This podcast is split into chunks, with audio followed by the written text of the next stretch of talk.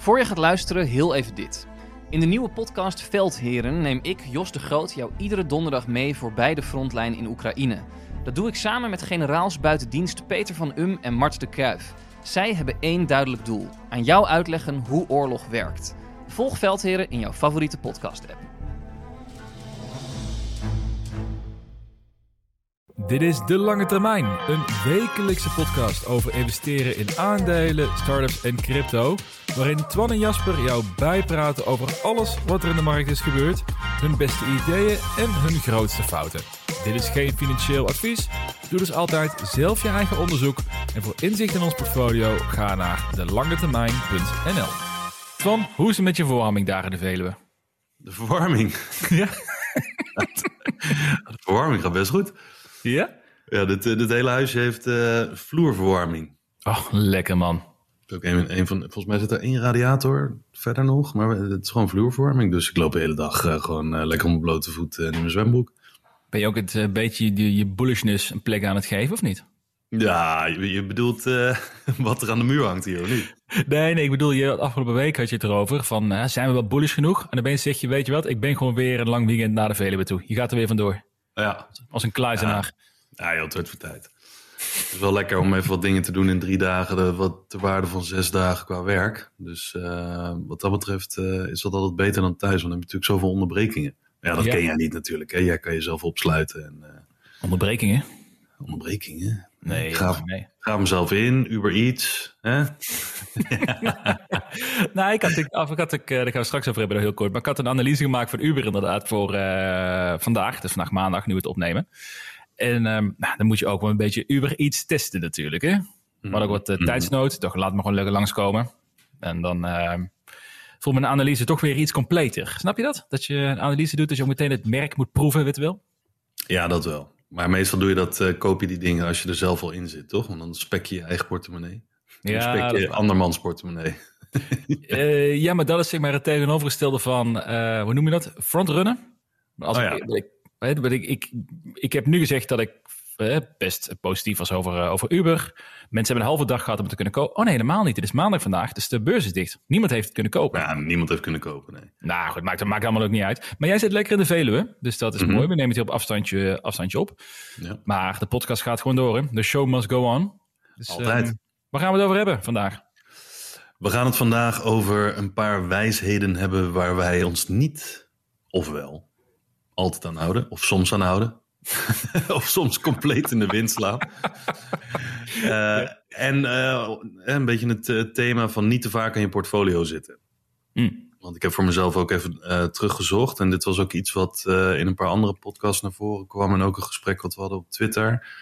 met een aantal mensen van wat zou er nou gebeuren als je niet zo vaak aan je portfolio zit. En bij wijze van spreken, eh, want wij trek- trekken dat allebei.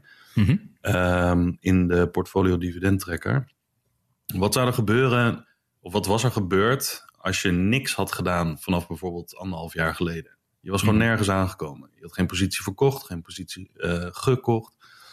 Ehm, wat voor rendement had je dan gehad? Met veel minder moeite. En eh, dat heb ik voor mezelf zo bekeken en dat eh, viel een beetje tegen. Ja, veel. Oké, Oké, dan gaan we er nu vooral niet te veel over hebben. We gaan we zo meteen Nee. praten natuurlijk. Niet te veel teasen. En nog meer Ja, maar- mooie dingen? En we hebben nog een eh, mooie luistervraag, want dat was ook iets waar wij het van de week of vanmiddag even over hadden. Mhm. Ehm, dat was een vraag vanuit eh, de Discord community. Eh, je geld spreiden over meerdere brokers, is dat nodig? Of is dat puur voor de vorm? En dan, denk ik, dan denk ik dat er gevraagd wordt of het veiliger is als je meer spreidt. En ik denk dat daar wat, wat misvattingen over zijn. Want ik hoor heel veel mensen bedragen noemen van eh, tot aan 100.000 Mhm. eh, euro. Maar ik denk dat dat eh, een misvatting is, want dat gaat over cash en niet over beleggingen. Ah, dus je wordt straks even Twan de Mythbuster. De Mythbuster, ja. Nee, maar dat, het, is be- het is best ingewikkeld soms om, om erachter te komen. Omdat heel veel brokers die hanteren allerlei verschillende ja, we zeggen dat, constructies, hoe dingen bewaard worden. En, en we maken ook gebruik van brokers die tegenwoordig niet in Nederland zitten, maar in, in het buitenland. Ja, en hoe Mhm. zit dat dan in elkaar? Ja. Daar gaan we het even over hebben. Ik denk toch vrij belangrijk voor veel mensen. Ja, zeker, zeker, zeker.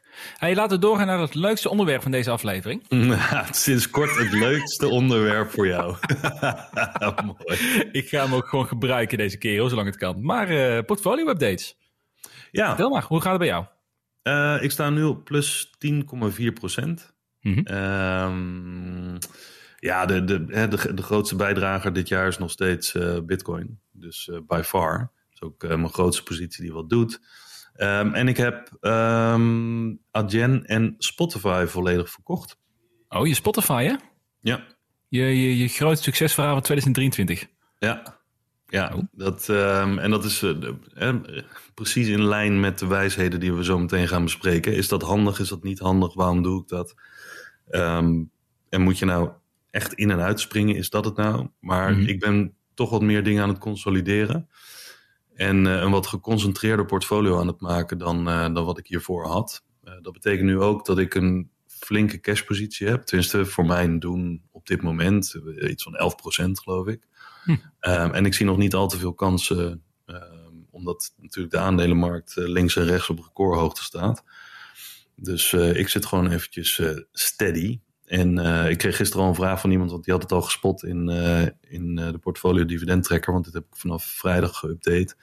En die zei, waarom verkoop je het dan um, en heb je er dan nog niet gelijk al iets nieuws voor? Hm. En wel, waarom staat het dan cash? Want ik hoor dat jullie zo bullish zijn, waarom wil je dan onbelegd zijn? Ja, goede vraag. Ja. Goeie vraag. Dus uh, nou ja, voor mij is dat gewoon puur. Uh, daar gaan we straks ook even wat, wat dieper op in, naar aanleiding van die wijsheden. Maar voor mij is het gewoon, als ik een beslissing maak, dan maak ik hem ook gelijk. Um, want hè, zoals we zo vaak hebben gezien, dan ben je wat van plan. Dan ga je nog wachten tot er iets omhoog schiet. Of dat er de juiste condities zijn of wat dan ook. En die komen bijna nooit. Mm-hmm. Uh, zoals ze in je hoofd zitten tenminste. Dus dan ben je altijd blij dat je iets hebt gedaan uh, op het moment dat je het besloten hebt. In plaats van dat de situatie ernaar moet zijn. Ja. Dus, uh, dus voor mij is dat belangrijk. Dus ik, ik, ben gewoon wat minder posities aan het aanhouden. En ik heb ook de Van Eck dividend ETF een klein beetje bijgekocht. Hm, ik dacht die al vol zat. Wil je die nog meer uitbreiden? Nou, die was wat afgenomen in de weging. maar ook omdat ik wat voor wat ik wil gaan doen, wat meer geconcentreerd wil zijn in oh ja. bepaalde groeibeleggingen, wil ik aan de andere kant het gewicht ook weer uh, iets ophogen. Ja, uh, zodat ik mezelf niet voor de gek hou en alleen maar bullish op uh, groei inzet. Mhm. Wat misschien een goede beslissing zou zijn. Ik weet het niet, dat weet je pas achteraf. Maar voor mij voelt dat gewoon te krom als ik te opportunistisch bezig ben. Ja, maar daar wil je het zo meteen over hebben, geloof ik, hè? Over die, je plannen daarvoor. Ja. En je wijsheden, vanuit de wijsheden. Ja. Mhm. Nou, ik ben benieuwd. Het is wel een, nou, niet per se een uh, wijziging in je portfolio-strategie, denk ik. Maar wel een uh, leuke nuance om over te hebben. En waarom je Ja. dat doet, denk ik. Dus, uh, Zeker. Leuk. Ja, Ze houden En elkaar jij? toch wel bezig, hè? Leuk. Ehm, nou, ik ben niet ontevreden. Ik heb, ik, ik heb eens een keer uh, zwarte Kom maar, cijfers. kom maar, kom nou, het, het, het plus 12,6 procent. Dus dat is een begin. begin. Ik heb nog maar eh, he- nog een beetje in te halen van de afgelopen jaren. Maar eh, Kle- Klein wegje omhoog nog. klein beetje. Ik voel me net als die meme, ken je dat? Van iemand die zeg maar, de hele weg naar beneden heeft afgelegd. En dan zeg maar één heel klein puntje omhoog maakt. Ja, Of eh, op, op, zijn, op het podium. Van yes, nummer 10. Weet je dan. eh, nou ja, goed, dat, je, kent, je kent er vast wat ik bedoel. Ja. Nee, maar, maar het, is, nee, het is met name de crypto. Dat gaat natuurlijk vrij hard de laatste tijd. En ik zit nu 80% in crypto. Wat natuurlijk eh, Mhm. eigenlijk veel meer is dan ik zou willen. Ehm, Ja. Vanuit dat kader ben ik nu ook meer bezig om cash op te bouwen. Mhm. Eh, omdat ik denk dat ik niet alles in crypto wil stoppen. Want ja, het kan net zo makkelijk weer 30, 40% naar beneden. En daar ehm, en eigenlijk is mijn ambitie om veel meer mijn core posities op te gaan bouwen in de komende, komende maanden. Mhm. Gewoon die, die solide bedrijven die gewoon lang aan kan houden. Want ik heb nu 80% in crypto. Maar mag wel eh, iets meer in eh, balans komen. Alleen wat jij ook zegt, ik zie nog niet echt die kansen bij de aandelenmarkt. Maar ik wil ook niet al mijn cashjes nu weer op het spel gaan zetten bij iets wat gewoon heel volatiel kan zijn. Dus ik denk dat ik hem ehm, even een maandje rustig aan doe met kopen. Oh. Ook wel een keer mooi. Ja, hoe voelt dat? nou, nou het, is, het is misschien een beetje gek als je luistert, maar ik heb dus, ik heb dus werkelijk geen cashje. Ik heb, ik heb geen, ehm, ik heb niet zes maanden spaarpotje of iets dergelijks of nog een hele betaalrekening openstaan. Ik gooi alles wat ik heb, wat ik kan uitgeven voor die maand, stop ik in aandelen of crypto, dat doe ik beleggen. Eh, en dus ik heb niet nog ergens een potje staan. Dus dat ik nu een potje heb dadelijk. Nou, weet je wat het met het maakt? Dat, was wel, dat is trouwens wel echt waar. Ik zat afgelopen weekend te kijken van, eh, van oké, dadelijk eh, volgende week komt salarissen binnen. Dan heb ik bedrag X in mijn rekening staan. Wil ik niet meteen wil gaan beleggen. En het eerste waar mijn hoofd heen ging is, wat kan ik kopen? Gewoon, wat voor spullen kan ik kopen? Zou ik de nieuwe, de nieuwe Samsung eh, S24 kopen? Want ja, ik heb het geld toch. Het is echt bizar hoe snel je dat dan gaat misbruiken, het geld. Ja, er valt wat voor te zeggen dat als je volledig belegd bent en je hebt voor de rest geen cash en je roomt zo snel mogelijk hetgene wat je overhoudt van je salaris af naar beleggingen, dat je ook die neiging niet hebt om het gevoel te hebben dat je heel, ja, tenminste rijk, ik weet niet of dat het gevoel is, maar gewoon alsof je cashrijk bent. Alsof je het meteen in iets kan omzetten wat je kan kopen. Ja, Waar we het vorige keer ook over hadden. Ah, dan doe ik, ja, weet je, ik heb 10.000 op mijn cash of op mijn eh, spaarrekening staan of op mijn, mijn betaalrekening. Wat maken een paar broeken en dan 5, 500 euro uitgeven aan dit en 500 aan dat. Wat maakt het nou uit? Precies. 5, ja. 5 of 10 procent. Maar ja, dat, zo werkt het natuurlijk wel. Maar als jij op je rekening, eh, wat is het, eh, net 200 euro hebt staan. Ja, dan voelt dat toch eh, anders. En als je dat uit je beleggingen moet halen ja. om zoiets te kopen, dat is gewoon een stuk pijnlijker. Nee, precies. Dus misschien dat ik het geld wel gewoon alvast op de beleggingsrekening zet. Dat ik weet, daar is gewoon voor geallockeerd. Mhm. Maar ehm, nee, niet meteen van plan te kopen. Dus dat is eh, een keer verandering. Hey, en eh, het lange termijn portfolio, wat doen zij? Die doen het goed. Die doen nog steeds dit jaar het beste. Jij bent wel wat aan het inhalen. Ja, nee, 13 13,4 procent. Zo, En, ehm en markten staan natuurlijk op een hoog punt. Vandaag, eh, de maandag, waren de beurzen niet open. Dus daar hebben we niks van kunnen zien. Aangezien er toch best wel wat Amerikaanse aandelen in zitten. Mhm. Maar de beste nog steeds, year to date, Nvidia en eh, CrowdStrike. ASML is er tussen gekomen in de top drie. En de slechtste, en dat viel mij wel een beetje op. Want hè, er zijn er een paar bij, die noemen we al weken. Eh Mhm. Block en Tesla. Eh year, eh, year to date slechtste performers. Maar ook Adobe. Oh, Die is behoorlijk Ja, en ik zag iemand in de Discord-channel die, eh, die zei van... eh, ik wacht nog heel eventjes, maar die heeft toch wel wat, eh, wat daling meegemaakt, Adobe. Dus Oh. mooi bedrijf. Dus ehm, ja, die, die doet het slechter dan, dan de rest.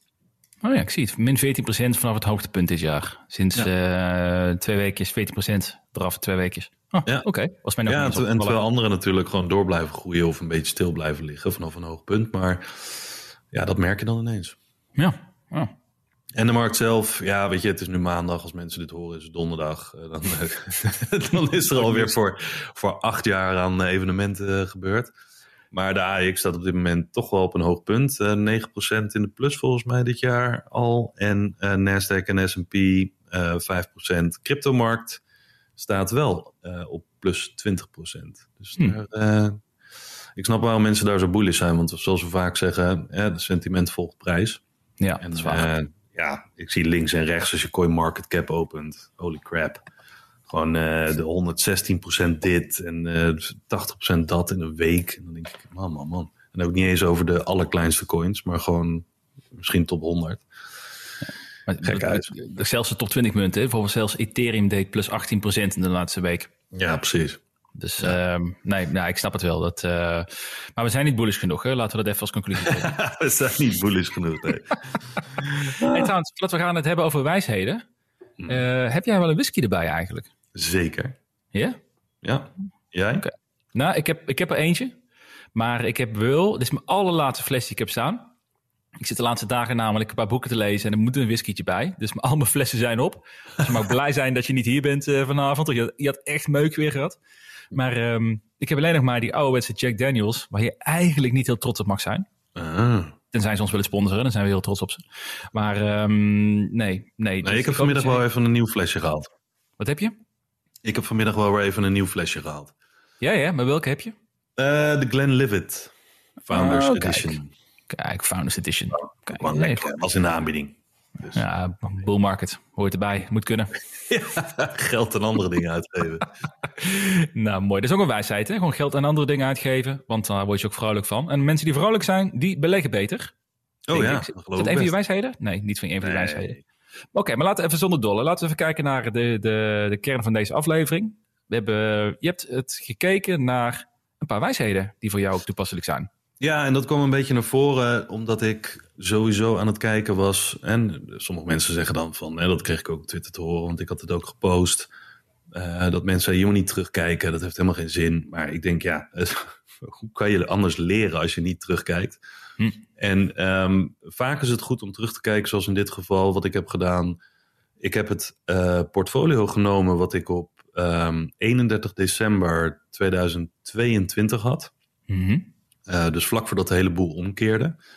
En dat portfolio heb ik gewoon in een uh, andere trekker geladen en gekeken waar dat qua rendement nu op staat. En dat naast mijn huidige portfolio gelegd, waar ik overigens de afgelopen jaar wel veel aan gesleuteld heb.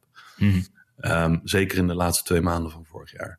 Nou, en even gekeken, al die moeite die ik heb gedaan, afgezien van of je wisselingen doet omdat je er beter bij voelt, et cetera, maar gewoon puur vanuit het rendement oogpunt.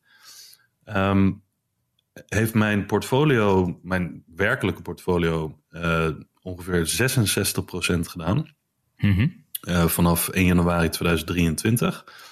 En het portfolio wat ik toen had en waar ik niet aan had gesleuteld, als ik dat zo had laten staan en helemaal niks had gedaan verder, had 64% opgeleverd. Dus 66% waar ik veel aan heb gesleuteld en mijn best voor heb gedaan. 64%, dus slechts 2% minder. Als ik alles gewoon had laten staan en een jaar op vakantie was gegaan en me nergens mee bezig had gehouden. Netjes. Ja, en heel veel mensen, daar komen die bijzinnen natuurlijk een beetje vandaan. Je hoeft niet, en lange, lange termijn beleggen gaat ook vaak over kopen, vasthouden, niet snel in en uitspringen.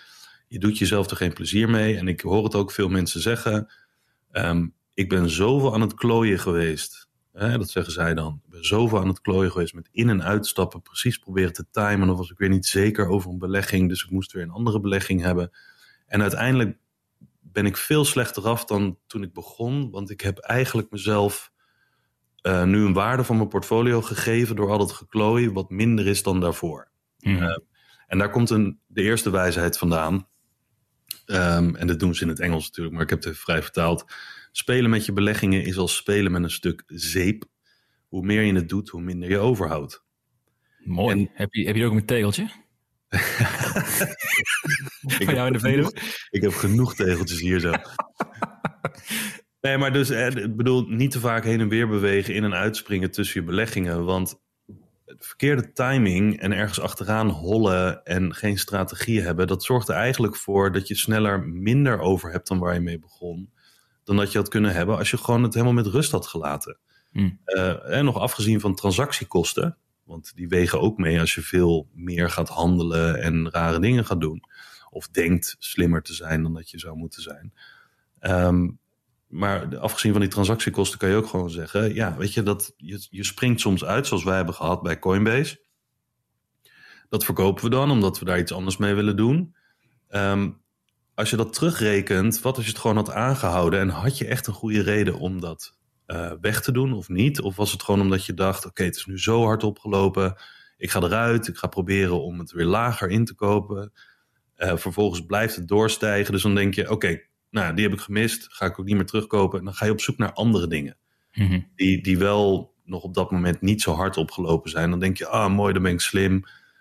Dan kan ik iets kopen wat nog niet zo hard opgelopen is. Maar vervolgens doet het een half jaar niks. En er is een reden waarom dat nog niet opgelopen is. Uh, en je ziet je belegging die je toen had, zie je alleen maar verder stijgen. Nou. Ja, en op, op het moment dat je dan weer die belegging zou willen kopen, omdat je wel een goede thesis had, want je hebt hem nu niet meer, die belegging. Dat is meestal het moment waarop je dan instapt. En dan daalt het. En dan daalt het. En dan daalt het. En dan denk je, ah shit.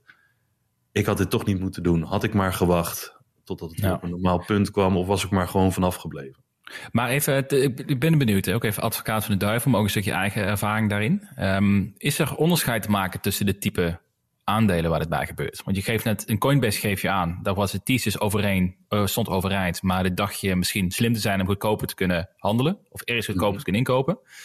Maar je hebt ook voorbeelden van aandelen waarbij de thesis is gebroken, zoals in, in mijn geval met een Canoe en Desktop Metal die ik vorig jaar verkocht had. Die zijn Mhm. inmiddels nog een keer 50% en meer gedaald vanaf dat moment. Ja. Als ik dat niet had gedaan, was mijn portfolio nog meer in de, aan de, eh, in, eh, ja, kapot gevallen, zeg maar. Ja. Dus zie je daar een onderscheid in? Ja, zeker. Nou ja, goed, ik bedoel wat jij al noemt. Als de thesis gebroken is, en waar we het ook vaker over hebben gehad, als al die red flags afgaan, ja, dan moet je de beslissing maken en zeggen: Oké, dit is niet langer waar ik toen voor ging. Hm. Ja, die thesis is nu veranderd. Dus snijden en niet meer terugkijken. Hm. Da- Dan heeft niet meer terugkijken echt zin, want je hebt die beslissing gemaakt, niks meer aan doen. Maar ik heb het nu gewoon over wat heel veel mensen ervaren, is dat ze gaandeweg heel veel dingen gaan wisselen, omdat, weet ik veel, emotionele staat, of ze zien weer een nieuwe kans die misschien wel harder kan gaan lopen. Dus dan heb je het niet over een belegging wegdoen omdat de thesis is gebroken, maar je doet een belegging weg omdat je een andere belegging wil waarvan je denkt dat die nog harder kan gaan oplopen. Ja, precies. Ja. Omdat we zien natuurlijk van alles de hele tijd. En eh, links en rechts schieten dingen nou ja, als paddenstoelen uit de grond. En als jij bij wijze van spreken, nou ja, ik noem maar iets, 20% van je portfolio in PayPal hebt zitten of in Alibaba en of Alibaba. En je hebt de afgelopen jaren dat alleen maar zien dalen. En je ziet een Nvidia en een Microsoft en al die anderen, die zie je nou ja, doorgroeien als een gek.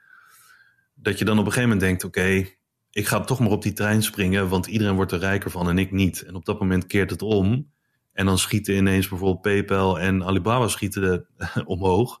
En dan, dan stap je weer uit de Nvidia's en de Microsofts met verlies. En dan ga je weer proberen op een hoger punt Alibaba en PayPal te kopen. Hmm. Dat, dat is een beetje dat spelen met een zeepje. ja, ik snap hem. Ehm, want je krijgt steeds minder stuks voor het geld wat je nog hebt. En, en dat, is, ja, dat is gewoon risicovol. Ja, nee, ik snap hem. Er is duidelijk onderscheid dan tussen de twee. Een goede Ja. nuance, denk ik. Ja. Zeker. En kijk, bij mij is het in dit, in dit geval, waarom stap ik in uit beleggingen? Dat is niet zozeer omdat ik niet meer in de belegging geloof. Natuurlijk, er zijn ook momenten geweest waarop de thesis gebroken is. Maar de beleggingen waar ik nu uit ben gestapt, waaronder Adyen en Spotify, dat zijn niet zozeer beleggingen waarvan ik niet denk, waarvan ik denk dat, dat ze het niet goed zullen doen. Dat zijn eh, beleggingen waarvan ik zeker denk dat ze het goed kunnen gaan doen. Alleen ze passen op dit moment, en met dit moment bedoel ik het komende jaar, eh, niet zozeer meer in mijn verdeling van mijn portfolio. Hm. Ehm, en ehm, dat komt omdat, nou ja, wat is het? Eh, volgens mij had ik vorig jaar, eind vorig jaar, iets van 16 beleggingen, of eh, 16 eh, assets in Mhm. mijn portfolio zitten, waarvan er 11 of 12 gericht waren op groei. En dat vind ik voor mijn portfolio, vind ik dat te veel posities die hetzelfde najagen. Hm. De, de, total return, dus groei.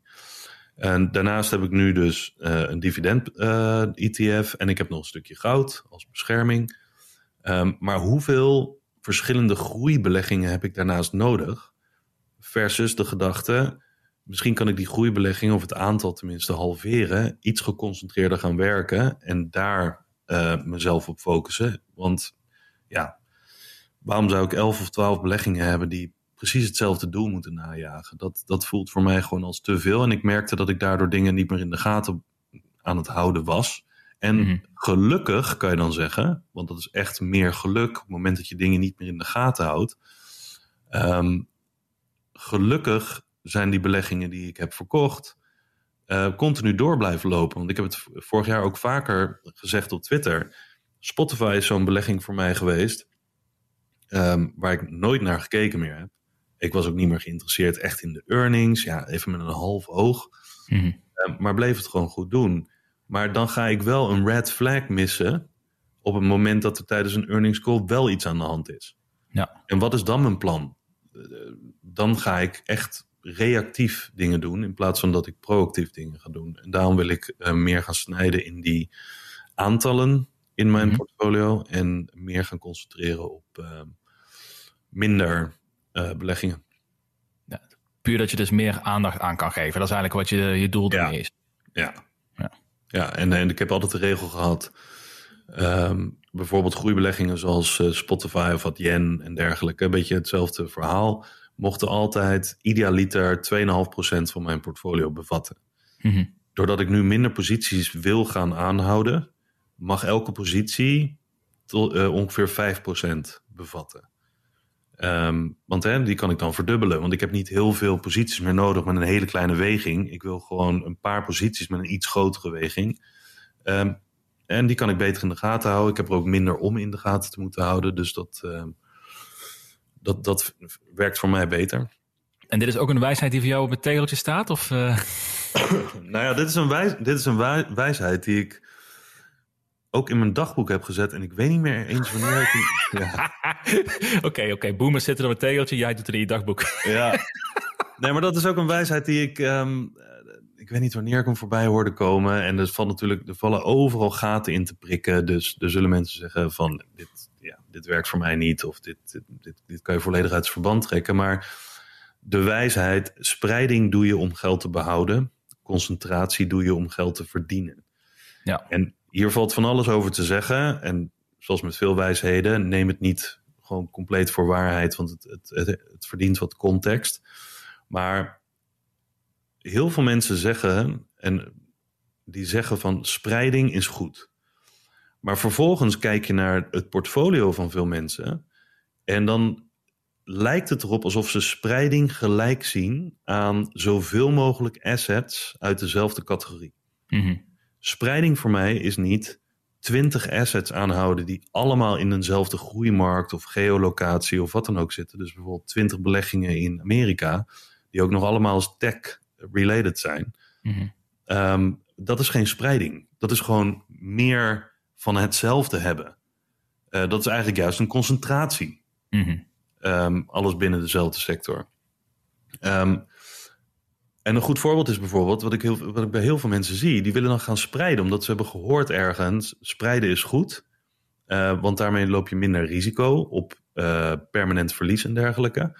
Eh, maar een heel typisch voorbeeld is, als ik door heel veel portfolio's heen ga, bij, ook bij de portfolio dividendtrekker, die openbaar zijn, dan zie je heel veel mensen die hebben bijvoorbeeld de VUSA ETF, dus de ETF die de S&P volgt. Mhm. En dan hebben ze IWDA en een Nasdaq ETF. En dan denk ik, oké, dat is geen spreiding. Want als je goed kijkt wat de inhoud van die ETF's is, dan hebben ze allemaal dezelfde top 10. Hm. En dan zijn ze allemaal, omdat die tech-aandelen zo hard opgelopen zijn, zijn ze allemaal voor het grootste gedeelte in Amerika belegd. ehm, en in de tech-sector belegd. En ook nog eens een keertje in hard opgelopen namen eh, zijn ze belegd. Dus in feite concentreer je dan je bed, terwijl je denkt, oh, ik voeg nog een ETF toe, want dan heb ik meer spreiding. Dat is niet, eh, dat is voor mij geen spreiding. En ten tweede, waar deze wijsheid op slaat, mensen die een heel groot portfolio hebben, eh, in, in de zin van waarde, zeg bijvoorbeeld eh, een miljoen, die zijn er natuurlijk meer bij gebaat om dat niet kwijt te raken dan iemand die een portfolio heeft van 10.000 en net is begonnen. Mhm. Ehm, als jij een portfolio van een miljoen hebt en jij gaat bijvoorbeeld drie of vier posities aanhouden van 200.000, 300.000 per stuk, en dat is een hele geconcentreerde bet, dan kan je er nog rijker van worden.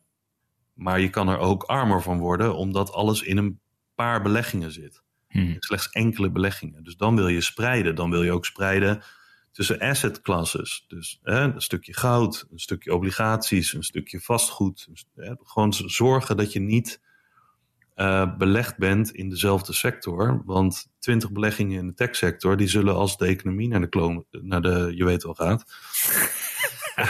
Bijna je eerste schildwoordje. Ja, ja daar luisteren, luisteren ook kinderen mee, heb ik begrepen. Ja, ja. Eh, ja, van vrienden van mij in ieder geval. Oh, oké. Maar, napassen.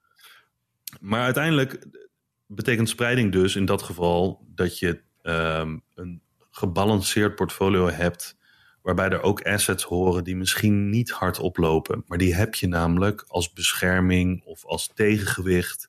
Niet gecorreleerd of weinig gecorreleerd met bijvoorbeeld eh, de Nasdaq die het dan ineens goed doet.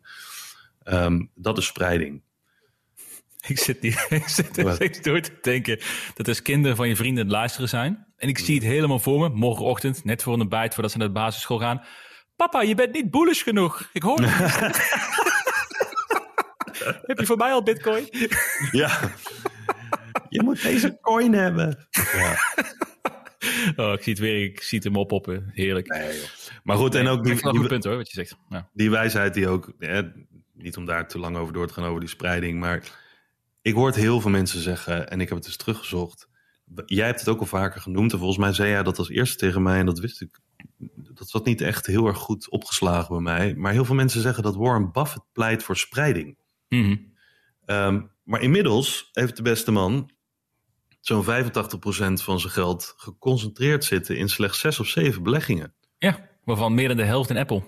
Ja, Maar wat, wat precies, maar wat mensen niet begrijpen, hij is helemaal, eh, wat hij zegt, ik heb het vaak nog teruggeluisterd. Hij zegt als je eh, niet te veel met beleggen bezig wil zijn, een gemiddelde belegger, 99%, doet het beste om gewoon een gespreid portfolio met ETF's te kopen. Dat is wat hij Ja. zegt. Maar een actieve belegger, als je weet wat je doet en je verdiept je erin, dan is het zinloos om zoveel aandelen te hebben. Je kunt ze helemaal niet volgen. Dus dan, dan heb je er niks aan om heel divers te zijn. precies dit punt. En dit is ook precies wat ik ook aan het begin van dit jaar heb gezegd tegen, tijdens een eh, aflevering van ons. Ik kom van een periode waarin ik hè, met een drukke baan weinig tijd had om dingen in de gaten te houden. Natuurlijk wilde ik veel spreiden. Natuurlijk had ik meer aan brede ETF's en dergelijke. Maar ik heb mezelf tot doel gesteld om er juist nu meer bovenop te zitten. En mislukt het, mislukt het. Dat, dat is iets aan mij. Hm. Ehm, maar dat wil ik geconcentreerder doen, want ja, ik kan al eenmaal niet 20 ballen omhoog houden en dat allemaal in de gaten blijven houden. Dus uiteindelijk wil ik daar meer concentratie in hebben. En dat is ook iets wat, nou ja, zoals jij ook zegt, als je actief er bezig, mee bezig wil zijn, dan moet je dat geconcentreerd doen. Of tenminste, dat is het beste om te doen. En wil je dat niet, spreid dan lekker. Mhm, mhm. Want er zijn Nee. genoeg mensen die kijken er niet naar om en die hebben inmiddels 40, 50 posities. En niet dat dat slecht is, want dat zeggen ook veel mensen, ah, dat is te veel. Maar die, die hebben een portfolio waar ze al 30 jaar op zitten en die vinden het helemaal fantastisch. Ze zijn klein begonnen met elke positie en die zijn nu uitgegroeid tot weet ik veel hoeveel. En die zeggen, joh, dit werkt ook. Ja, waarom zou dat niet werken? Tuurlijk, Mhm.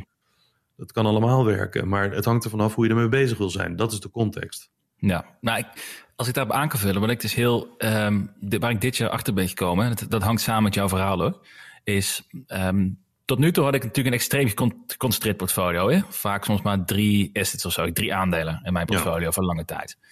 Eh, en sinds dit jaar heb ik zo'n mandje gemaakt, een innovatiemandje. Er zitten 10 aandelen in. En die, eh, dat mandje is nu 15%. Dus pak een beetje gemiddeld 1,5% per aandeel. Hè? Zit, zit erin, heb gerekend. Mhm. Wat, wat mij is opgevallen, en dat, ehm, daar ben ik eigenlijk niet heel blij mee.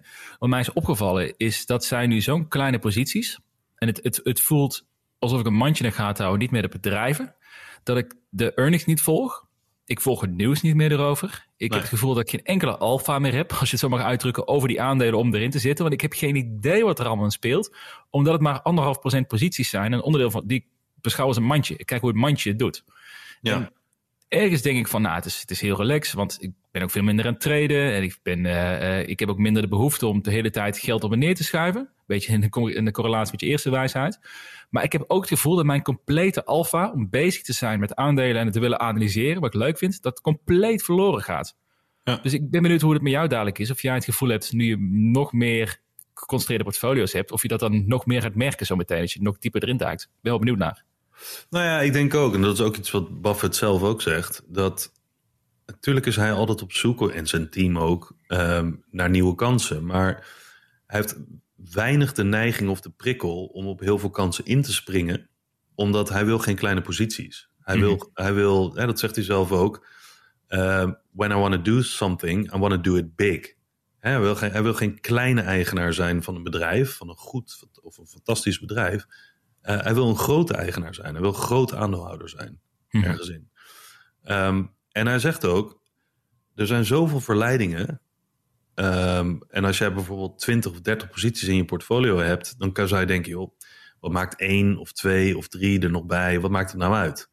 Maar als jij de keuze moet maken dat jij, nou, wat is het, vijf posities wil hebben, en die mogen allemaal maximaal 20% hebben, op het moment dat er dan iets nieuws voorbij komt, dan moet je dus de keuze maken om een andere eruit te gooien. Mhm. Of je moet de keuze maken om een soort outlier te hebben waarbij je een positie van 5% inneemt. Maar dat past dan niet bij de rest van je portfolio. Ehm, en dat is ook iets waar wij het veel over hebben gehad. En daar ben ik nu ook echt onderzoek naar aan het doen. Ook bij mezelf en aan het terugrekenen hoe ik dat vroeger eh, deed. Want je leert natuurlijk eh, steeds meer. Het punt wat wij vaak zeggen. Als je maar een maximaal aantal posities in je portfolio mag hebben, omdat dat hetgene is wat je maximaal kan bijhouden en Mhm. ook echt goed in kan worden, dan moet elke nieuwe positie moet ten koste gaan van een oude positie. Ja. Want je mag er niet meer dan tien hebben. Want je weet, te veel is ook niet goed, want je houdt het niet meer bij. Mhm. Ehm, en nou ja, de- de- nog een ander ding daarbij. Omdat ik actiever dat wil gaan managen en dus meer geconcentreerd wil managen. Ehm, ik heb geen idee hoe dit uit gaat werken, want dit is heel nieuw voor mij. Ehm, maar daar wil ik wel mijn tijd in stoppen. Dus iedereen kan volgen hoe dat experiment gaat met, met, met mijn zuurverdiende geld. Uh, maar dat betekent ook dat ik niet nog meer risico wil nemen door ook daarbij nog te gaan traden. Hm.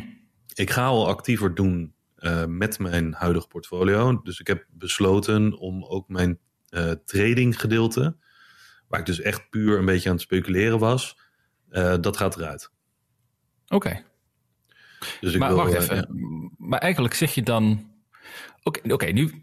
Je had het net over die eerste wijsheid. Hè? Dus als je te veel speelt met beleggingen, dan is dat best wel een, een uitdaging. Zal ik maar even, mm. even uitdrukken. Je geeft eigenlijk aan als je nu actiever gaat managen. Mm. Hoe, hoe zie je dat in die, in die verhouding? Wil je, ehm, hoe zie je dan een actief manager in dit geval? Nou, het actief managen is gewoon dat in die zin ik er bewust voor kies om bepaalde posities te hebben.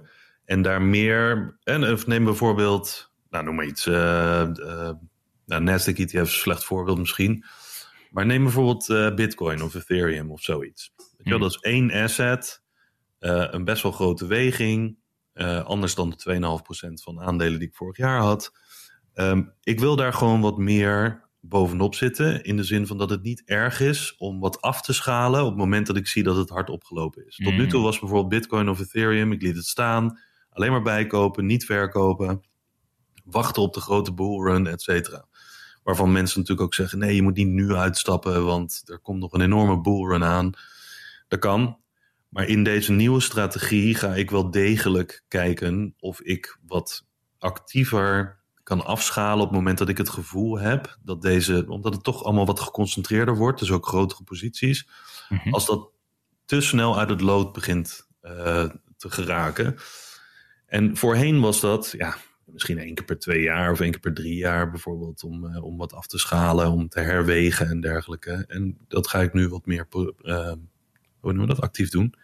Ik ben benieuwd. Je kunt ook bijhouden toch in de trekker van hoeveel rendement je acties hebben meegenomen, hebben opgebracht. Ja, en dat is weer iets wat mooi is om mee te nemen. Als je dit actief wil gaan managen. Mm-hmm. De tools worden ook steeds slimmer om te kunnen berekenen of dit soort dingen natuurlijk gewoon jezelf pijn hebben gedaan.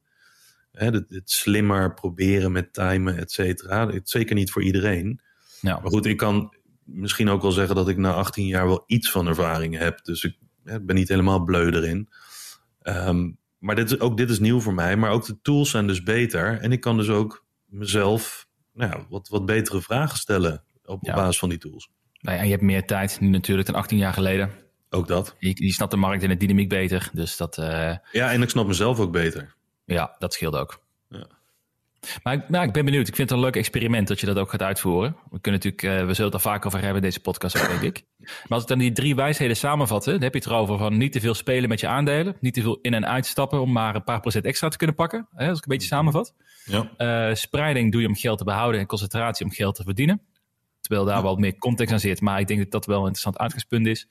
En spreiding aan zich is niet bepaald de, uh, de end-all, be-all. ligt ook heel erg aan context. En onze eigen Buffett, die heeft niet eens uh, de spreiding die mensen denken dat hij heeft. Nee. In die zin. En mag ik daar eentje aan toevoegen? Mm-hmm. Ik ben benieuwd namelijk hoe jij dat, hoe jij dat ziet. En dat, ik denk dat jij dat ook wel vaker meegemaakt in de jaren dat jij belegt. ik heb afgelopen week een video gemaakt hè, vanuit voor de lange termijn. Kun je op ons YouTube kanaal kun je dat bekijken. En daarin heb ik drie lessen genoemd. Dus dat je sterke overtuigingen, dat je daarvan af moet durven stappen dat meer risico nemen niet per se meer rendement is. We hebben gemerkt aan de portfolio's uh, vorig jaar. Um, en dat er een max zit aan averaging down. Dat er een beetje een idee achter zit. Maar uh, dat, kun je, dat ga ik nu niet benoemen. Dat kun je kijken in de video die ik gemaakt heb, waar ik er uitgebreid op inga. Maar er is één ding waar ik dus, uh, wat mij afgelopen weekend opviel. En dat is de analyse van Uber die ik gemaakt heb. Um, ook voor onze, onze members voor de lange termijn. Maar Uber, Uber stond ik zal eens terug te kijken. Mijn allereerste wishlist, toen ik net begon met beleggen, stond Uber erbij. Als een van mijn vijf potentiële groeiaandelen. dus echt al vier jaar geleden, het allereerste grijze stoffige lijstje stond, eh, stond Uber. En ik herinner nog, ik nam dat aandeel nooit serieus, omdat het zo vaak verliesgevend was. En uh, nou, het was alleen maar groei, groei, groei en uh, grote schulden, of in ieder geval veel verlies in die periode. Dus ik nam het nooit als serieuze belegging aan. Um, ik ging toevallig afgelopen week ging ik daar een uitgebreide analyse voor maken, voor dus voor, voor onze website. En mijn les daaruit is dat je het moet durven, was een les voor mezelf in dit geval dan ook, om oude overtuigingen opnieuw te durven herijken. Mm-hmm. Uh, want nu ik deze, dit aandeel opnieuw bekeek met een frisse, frisse blik erop en misschien wat jarenervaring extra en natuurlijk ook ontwikkeling van het bedrijf een stukje verder, zag ik opeens dat het eigenlijk een heel aantrekkelijk bedrijf zou kunnen zijn. Met wat ze allemaal doen, ontwikkelingen die ze hebben meegemaakt de laatste jaren, toekomst waar ze heen gaan. Dus in mijn achterhoofd zat nog steeds de overtuiging, Uber is een rukbedrijf, daar wil ik niet in investeren, want uh, geldverlies, bla bla bla bla. En drie jaar later blijkt een beetje nu, als je nu een analyse maakt, dat het eigenlijk heel interessant kan zijn. Dus eigenlijk 180 graden gedraaid hoe ik erover dacht. en ik weet niet of jij het ooit een keer hebt meegemaakt ook, dat jij jarenlang misschien een bepaalde mening had over een aandeel, denk dat het is. Uh, dan misschien langzaam iets erover begon te lezen of ergens geprikkeld werd door een vriend of wat dan ook. Die zei, je moet dat aandeel eens bekijken. En dat je toen helemaal enthousiast bent geworden. Heb je dat een keer meegemaakt? Ja, ik zou zo niet 1, 2, 3 een naam kunnen noemen. Maar over het algemeen zijn dat wel situaties waarbij ik uh, vanuit, ja, hoe zeg je dat, een bepaalde mening of overtuiging echt niet in een aandeel wilde gaan zitten. Omdat ik daar fel tegen was of zo. En mm. nou ja, daar keek ik dan ook niet meer naar. En dan bleef ik ook tegen mensen zeggen: nee, want ik ga hier echt niet in investeren. Want ze doen dit en ze doen dat. Totdat iemand ineens zei: um, ja, maar die CEO is nu weg. En de nieuwe CEO heeft allerlei andere richtlijnen opgesteld. En dit kan echt niet meer voorkomen. Het is een kleine kans dat het nog voorkomt. En ze zijn helemaal gepivot. dus een andere kant op gegaan. Um, waar jij bezwaar tegen maakt, is niet meer aan de orde. Dat is een hm. zak die je meedraagt, die niet meer van toepassing is op de toekomst. Um, ja, en dan, wordt het een, een, dan is het een nieuwe kijk waard. Want als dat de enige reden was waarom ik er niet in zou willen zitten, maar voor de rest zijn de fundamentele uh, indicatoren allemaal staan op groen, hmm. um, dan is het zonde als dat ene dingetje wat je tegenhield, um, dat, ja, dat je er niet meer naar kijkt. En dat heb ik bijvoorbeeld nu ook met Robinhood. Zie ik heel veel mensen die hebben nog steeds, en volgens mij jij ook. Ja, dat klopt. Uh, een bepaalde nare nasmaak overgehouden aan dat hele GameStop-verhaal. Uh, reputatieschade opgelopen uh, als Robinhood zijnde. Um, maar ja, wie zegt dat dat in de toekomst nog gaat gebeuren? Het is al een tijdje niet meer gebeurd en ze zijn flink aan het bouwen. Ja, dan zou het wel eens een kans kunnen zijn, mits het natuurlijk in je portfolio past. Want je hoeft niet overal wat ineens er goed uitpakt, uh, hoef je niet ineens uh, een positie in te nemen. Want dan, uh, dan zou je wel een heel groot portfolio hebben. Ja, maar het is wel een goed voorbeeld hoor, denk ik, Robinhood. Ja qua, qua sentiment, wat veel mensen, eh, wat je zegt, ik heb het ook meegemaakt met het GameStop-verhaal. Ik, ik hoef er nu echt niet meer naar te kijken, maar misschien laat ik daar wel een enorme kans liggen. Puur door mijn perceptie in mijn hoofd dat ik het een, geen fijn bedrijf vind. Ja, ja, en ik heb dat ook met Meta bijvoorbeeld. Ja, weet je, als die uh, straks over een paar jaar helemaal gepivot zijn naar van allerlei andere uh, dingen, zullen er ook weer nieuwe situaties bij voorkomen waar je het wel of niet mee eens bent. Maar dat hebben we natuurlijk met elk bedrijf. Um, ja maar ja, dat, dat, dat, een goed, ander goed voorbeeld, dat is het laatste dan, um, is bijvoorbeeld een bedrijf wat stevige stock-based compensations deed. Hm. En waar je altijd van zei van nee, of, of eh, share dilution of wat dan ook. Uh, als ze dat dan een aantal jaar niet meer doen en stock-based compensation is aan het dalen en aan het dalen en zit op, ineens op een heel normaal niveau, een beetje eh, zoals de industrie uh, het gemiddelde heeft, dan zou het misschien wel weer, wel weer eens een, een kijkje waard zijn. Nou, volgens mij is dat uh, Palantir ook. Ja. Die stond ook jarenlang werd naar gekeken als een soort uh, enrichment scheme voor de, voor de managers. Toen ze net een IPO maakten, was heel veel uh, stock-based compensation. Volgens mij is het ook heel sterk naar beneden bijgesteld de laatste kwartalen, hm. meen ik. Ja, nee, dus dat moet je dan in de gaten blijven houden als je dat wil. Of je hebt de mazzel dat je toevallig weer eens een keertje naar zoiets kijkt op het moment dat het opgelost is. Hm. Dat kom je ook vaak tegen, weet je. En dan staat het nog in een lijstje. Dan kijk je er weer eens naar, dan lees je weer eens een artikel en dan ineens valt je iets op wat je daarvoor tegenhield. En waar je nu zegt, nou, dat is opgelost. Uh, het is een nieuw kijkje waard. Ja. En daarom dus, denk ik, conclusie, denk ik ook dat een geconcentreerd portfolio ook heel veel voordelen met zich meebrengt. Ja. Want daardoor ga je juist wel op zoek naar dit soort bedrijven die een edge kunnen zijn, die wil inruilen voor iets wat je niet hebt. En dan denkt, oh fuck, kijk, ik heb opeens een, uh, het bedrijf doet het anders dan twee jaar geleden, nu is het wel een kans. En nu is het super interessant. En als je gewoon 30 aandelen hebt, heb je daar veel minder behoefte voor om dat te gaan doen. Ja, nou ja, dat is gewoon GameStop, sowieso. Ja. GameStop met Canoe.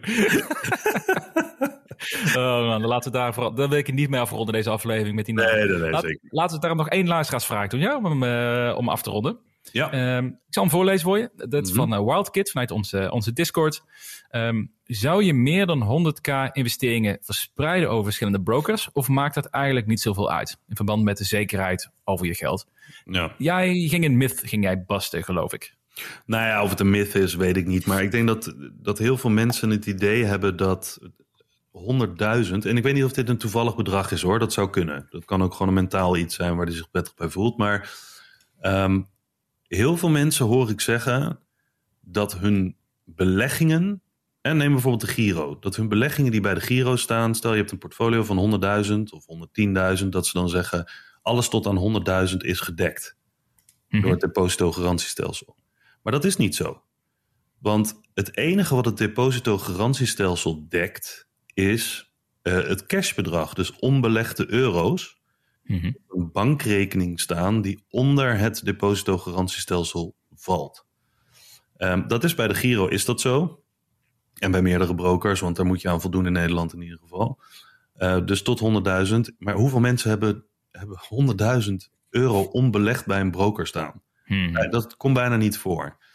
Maar dan is het in ieder geval fijn om te weten dat alles tot de 100.000 is uh, gedekt um, uh, aan onbelegde euro's. Maar wat betreft je beleggingen, dus je aandelen Apple en weet ik veel wat allemaal. Um, stel dat jij 50.000 uh, euro aan beleggingen hebt bij de Giro. Dan staan jouw aandelen, jouw beleggingen, dus jouw posities, staan bij een apart bewaarbedrijf. Hm. Dat is gescheiden van de Giro.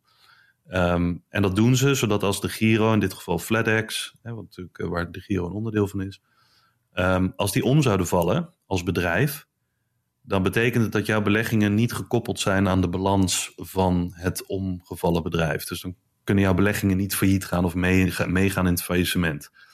De enige taak van zo'n bewaarbedrijf, van een custodian, is om ook geen andere activiteiten te hebben dan het bewaren en registreren van de beleggingen die op jouw naam staan. Dus op het moment dat bijvoorbeeld in dit geval FedEx failliet zou gaan en je hebt de cash staan, onbelegde cash, dan wordt dat terugbetaald vanuit het depositogarantiestelsel tot 100.000 uh, euro. Um, en je beleggingen worden gewoon aan jou overhandigd. He, dan zou je dan bijvoorbeeld een, nieuwe broker moeten kiezen waar dan je beleggingen geïmporteerd worden. In het uiterste geval dat dat bewaarbedrijf, wat vaak een stichting is, um, dat daar toch iets mee gebeurt, dan is eigenlijk de waarde van al je beleggingen maar tot 20.000 max gedekt. Hm. Uh, en, dan zeg ik 20.000 max gedekt als ze echt niks aan je terug kunnen geven. Want over het algemeen zal er dan een liquidatie plaatsvinden. Je krijgt nog 50% van je aandelenwaarde krijg je terug. Um, en de overige 50%, daar krijg je maar een compensatie voor tot 20.000. Dus als mensen zeggen, joh, ik spreid mijn portfolio met beleggingen over vijf brokers, want ik heb vijf ton aan beleggingen, dan betekent dat vrij weinig. Hm. Want dat heeft niks met die 100.000 euro te maken. En ik kan het niet heugen, maar het zal misschien in Cyprus een keer gebeurd zijn. Ik heb geen idee waar. Uh, er gebeuren natuurlijk gekke dingen. Maar over het algemeen is dit zo goed gereguleerd dat je beleggingen die je bij een broker hebt staan, die dus in een apart bewaarbedrijf uh, behouden worden, um, ja, dan komt het in het uiterste geval, denk ik, nou, ik weet niet wat de waarschijnlijkheid is dat, er, dat dat niet goed komt, maar je kan er zeker van zijn, of redelijk zeker van zijn, dat ook al heb je een portfolio van 500.000 euro bij één broker staan, als je daar prettig bij voelt, sommige mensen hebben dat, of veel mensen hebben dat, hm. um, dat dat gewoon veilig staat. Dus ja. ja. je zou het niet hoeven spreiden over meerdere brokers. Um, maar ja, zoals met alles, ook met bankrekeningen. Um, ik zou doen waar je je prettig bij voelt. Ik, als jij een portfolio van 200.000 hebt en je wilt over twee brokers verspreiden, omdat dat je veiliger doet voelen. Mhm. Mm. Um, ja, prima. Maar kies dan wel brokers die allebei een apart bewaarbedrijf hebben. En niet brokers die hetzelfde bewaarbedrijf hebben. Mm. En want dat komt ook nog wel eens voor. Want bijvoorbeeld Trading 2 2 maakt volgens mij gebruik, als ik het goed heb, van uh, interactive brokers. Mm. En als je ook nog een links-account hebt, die maakt ook gebruik van interactive brokers. Dan heb je dus je, al je aandelen bij dezelfde custodian staan. Mm. Daar moet je wel even rekening mee houden. Dus eigenlijk zo'n conclusie daarvan is nadeel. Je bent minder verzekerd dan je, dan je denkt. Ja. Voordeel, je hebt het waarschijnlijk ook helemaal niet nodig. Nee, er is een kleine kans dat het misgaat. Ik bedoel, er zijn natuurlijk altijd dingen die mis kunnen gaan. Maar uh, over het algemeen kun je er dan vrij weinig aan doen. Ja, net alsof je in een vliegtuig zit die uit elkaar spat. Ja. Kan je weinig aan doen, kan gebeuren. De kans is klein. dan, dan heb je ook niks meer aan je aandelenportfolio trouwens. nee, weer een oplossing. nou, dat vind ik wel een mooie afsluiter voor deze aflevering. Jij niet? Ja, vind ik ook. Ja, toch? Nou, wij gaan er even... eh. Ja, sorry daarvoor. Nou ja, mocht je dit nou leuk vinden. eh, oh ja, dat vind ik niet vergeten. Geef nog een score voor deze podcast. Vooral op Apple hebben we nog wel wat eh, scores kunnen we gebruiken. Mhm. Goed voor de podcast. Help je ons mee. Hartstikke leuk. Dus eh, doe dat zeker als je ons eh, waardeert. En eh, nou, mocht je nog meer van dit soort content willen luisteren, lezen, zien. Langetermijn.nl. Moet platform. Moet bouwen zijn. Wekelijks analyses, diepgaande analyses, macro-analyses. Het houdt niet op. Dus, En wordt eh, steeds drukker. en het wordt steeds drukker in de Discord en gezelliger. Dus eh, je bent er nog steeds een van de eerste bij. Is ook wat waard, hè? Bragging rights. Mhm. Dat, misschien moeten we zelfs een soort de lange termijn OG-tag nog lanceren. Voor degenen die er echt voorbij waren. Nou, daar ga je te ver. Ah, Oké. ik wilde eigenlijk zeggen, maak er NFT van. Dan ga je misschien te ver. Maar eh, Oh, alright man. Nou, jij veel plezier in de Veluwe. Eh, we gaan hem afsluiten. Dank je allemaal voor het luisteren. En ehm, tot, Tot de volgende week. week. Bijna. Ja.